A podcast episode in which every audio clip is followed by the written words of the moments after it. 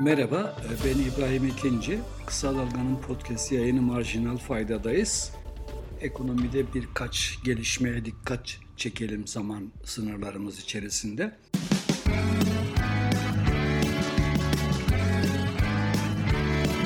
Kulağınız bizde olsun. Kısa Dalga Podcast.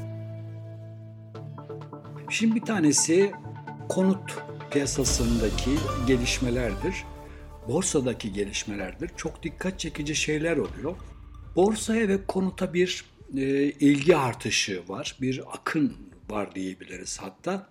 Konut rakamlarına bakınca durum anlaşılıyor. Konut satışları aslında düşüyor.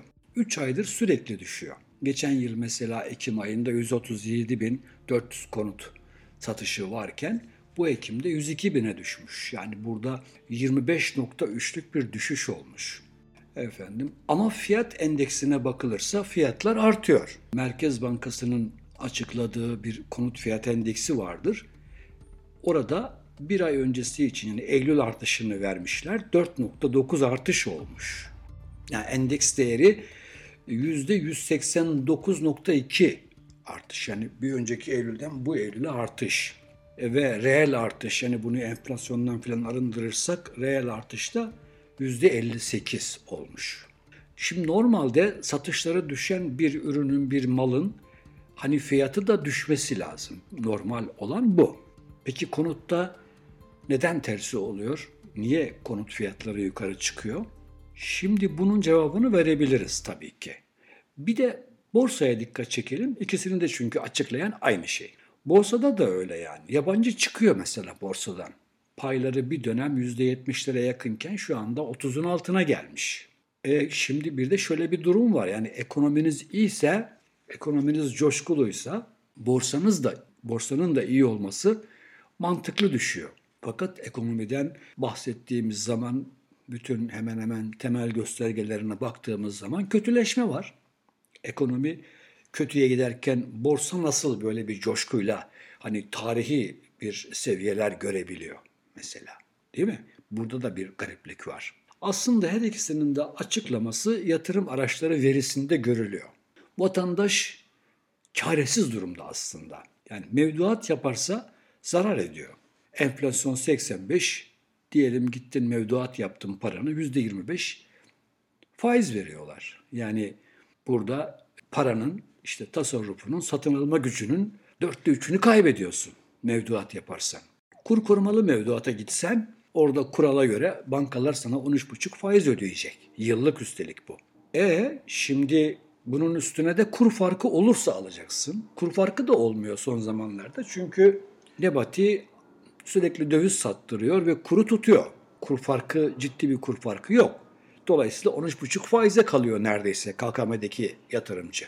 Efendim, devlet iş borçlanma senetlerine gitsen yine aynı şey. Kazanmıyorsun. Mesela yine TÜİK'in açıkladığı yatırım araçlarının getirisi verisine göre evet, devlet iş borçlanma senetlerine yatırım yapanlar aylıkta, 3 aylıkta, 6 aylıkta, 1 yıllıkta zarar etmişler.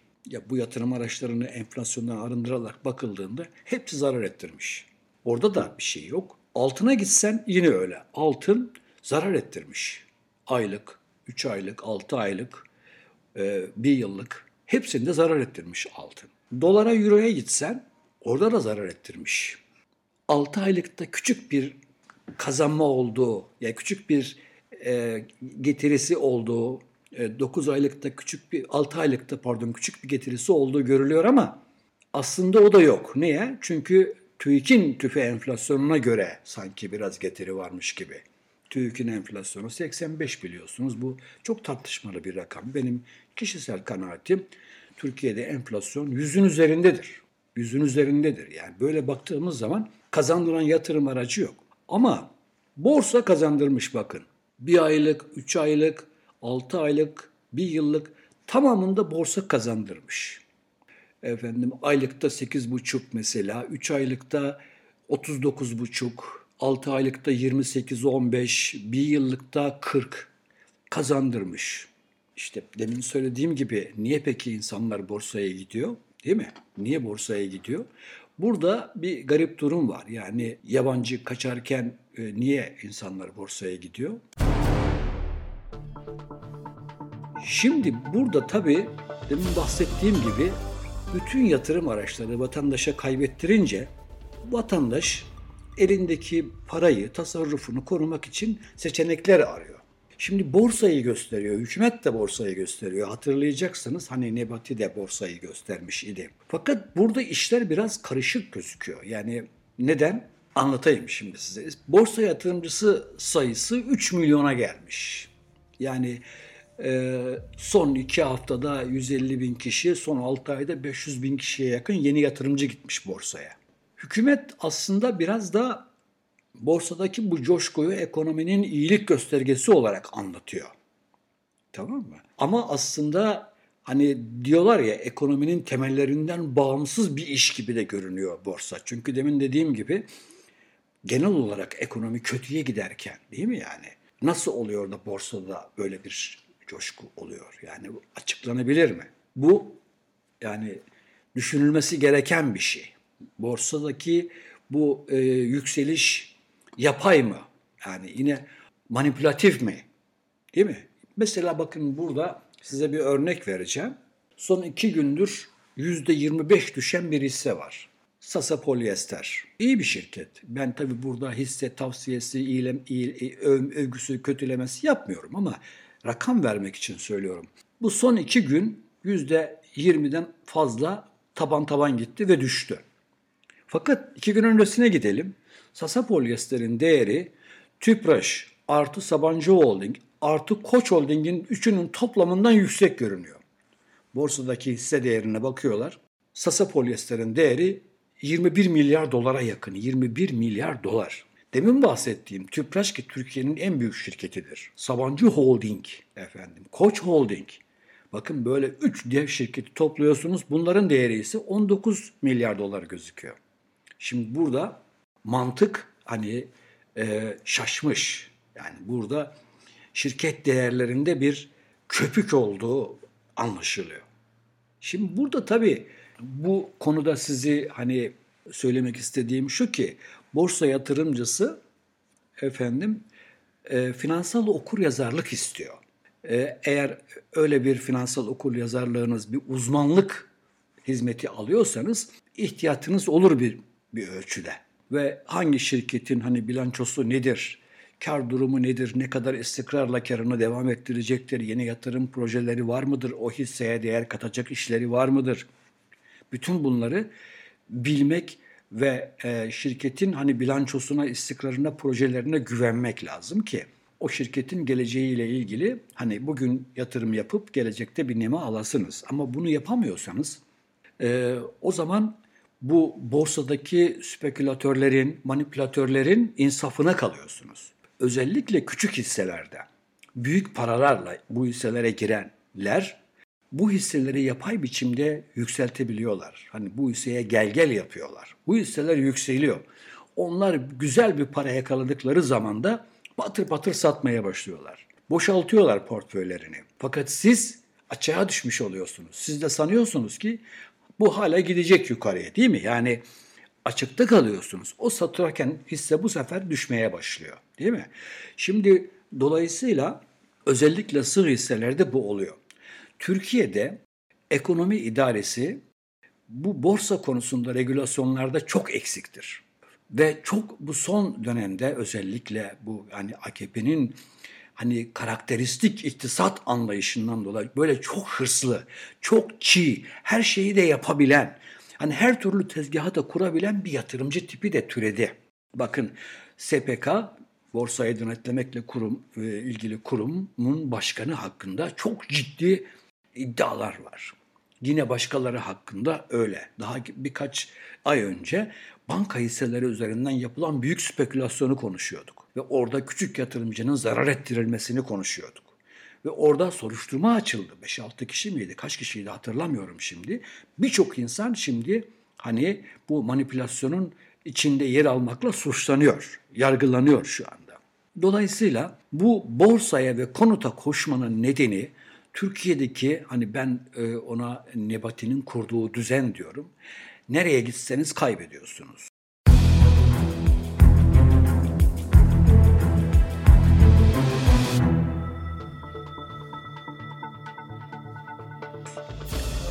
Konuta gidiyorsunuz. İşte ya konut yani işte uzun vadeli yatırımdır. Sonuçta kaybettirmez diyorsunuz değil mi? Memlekette hani genç nüfusumuz var. İşte konuta ihtiyaç olur. Fiyatları da çok düşmez diye düşünüyorsunuz. E, borsaya gidiyorsunuz. İşte şimdi bu borsadaki yükselişin bir nedeni de zaten bizzat bu çaresizliğin yarattığı hücumun ta kendisi. Yani ilgi artınca tamam mı? Yani 500 bin kişi çaresizce altında, dolarda hepsinde zarar edince buraya yönel, borsaya yönelince zaten bizzat bu yönelişin ta kendisi borsayı yukarı itiyor. Yani buradaki gelişmelere dikkat etmek lazım. Benim e, kısa dalga e, okurlarına, izleyicilerine söylemek istediğim bu. Olur ki ilginiz olursa bunları dikkate alın. Şimdi size bu hafta bahsetmek istediğim bir diğer konu KKM ile ilgili gelişmeler. Hatırlayacaksınız geçen hafta ben bunu söyledim. KKM'nin yavaşladığını söyledim. Rakamları da paylaştım sizle. Ee, yine paylaşayım çünkü son haftanın rakamı da geldi. Durum tam da KKM'nin durmak üzere olduğu yani KKM'ye girişlerin kesilmekte olduğunu gösteriyor. Şimdi KKM'de Ağustos ayından beri düşüş var. Ağustos ayında yani Temmuz'la kıyaslarsak 143 milyar hatta 144 milyar para girmişti KKM'ye. Yani bir ayda bakın tamam mı? 30 Eylül'de yani bir ay sonra yaklaşık 123 milyar girmişti. Yavaşlamıştı ama gene büyük paraydı. 28 Ekim'e yani bir ay sonrasına giren para 62 milyara düşmüştü. Aşağı yukarı yarı yarıya düşmüştü. 28 Ekim 4 Kasım yani son bir hafta yani elimizdeki verilerden bakmıştık 10 milyara düşmüştü. Yani bir haftanın verisi ama çarpı 4 40 milyar ediyor. Fakat öyle de olmadı.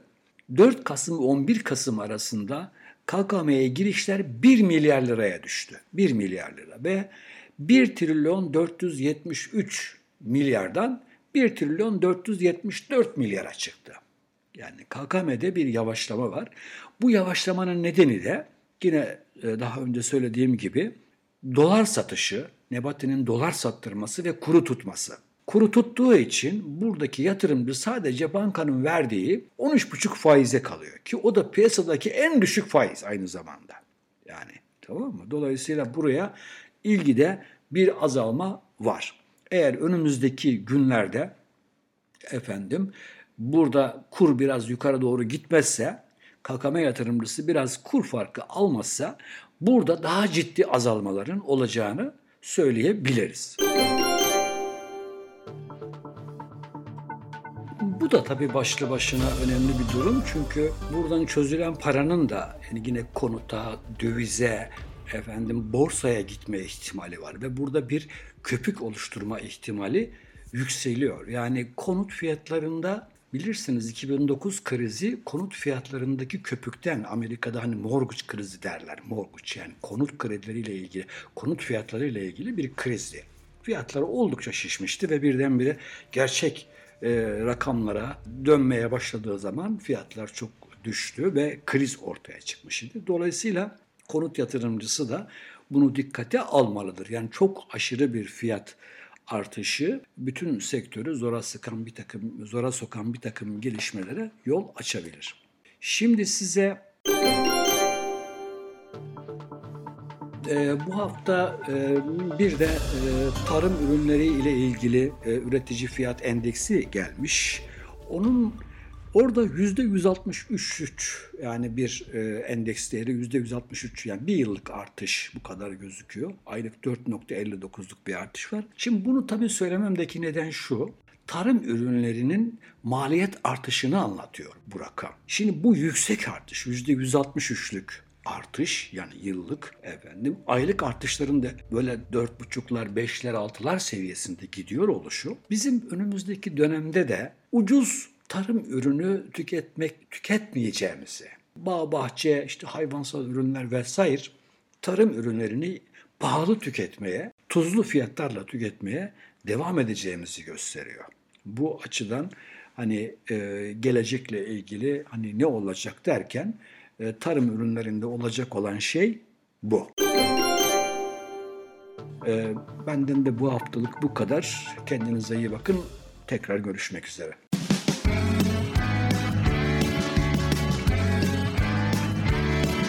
Kulağınız bizde olsun. Kısa Dalga Podcast.